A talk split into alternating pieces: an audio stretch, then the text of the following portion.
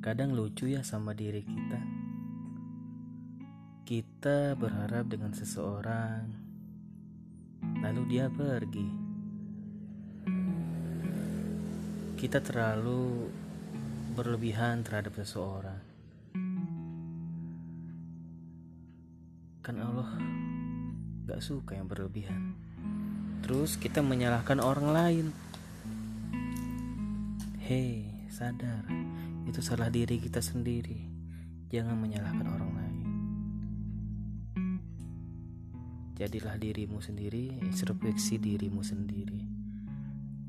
Dan tetap jadilah yang terbaik, jangan jadi orang lain.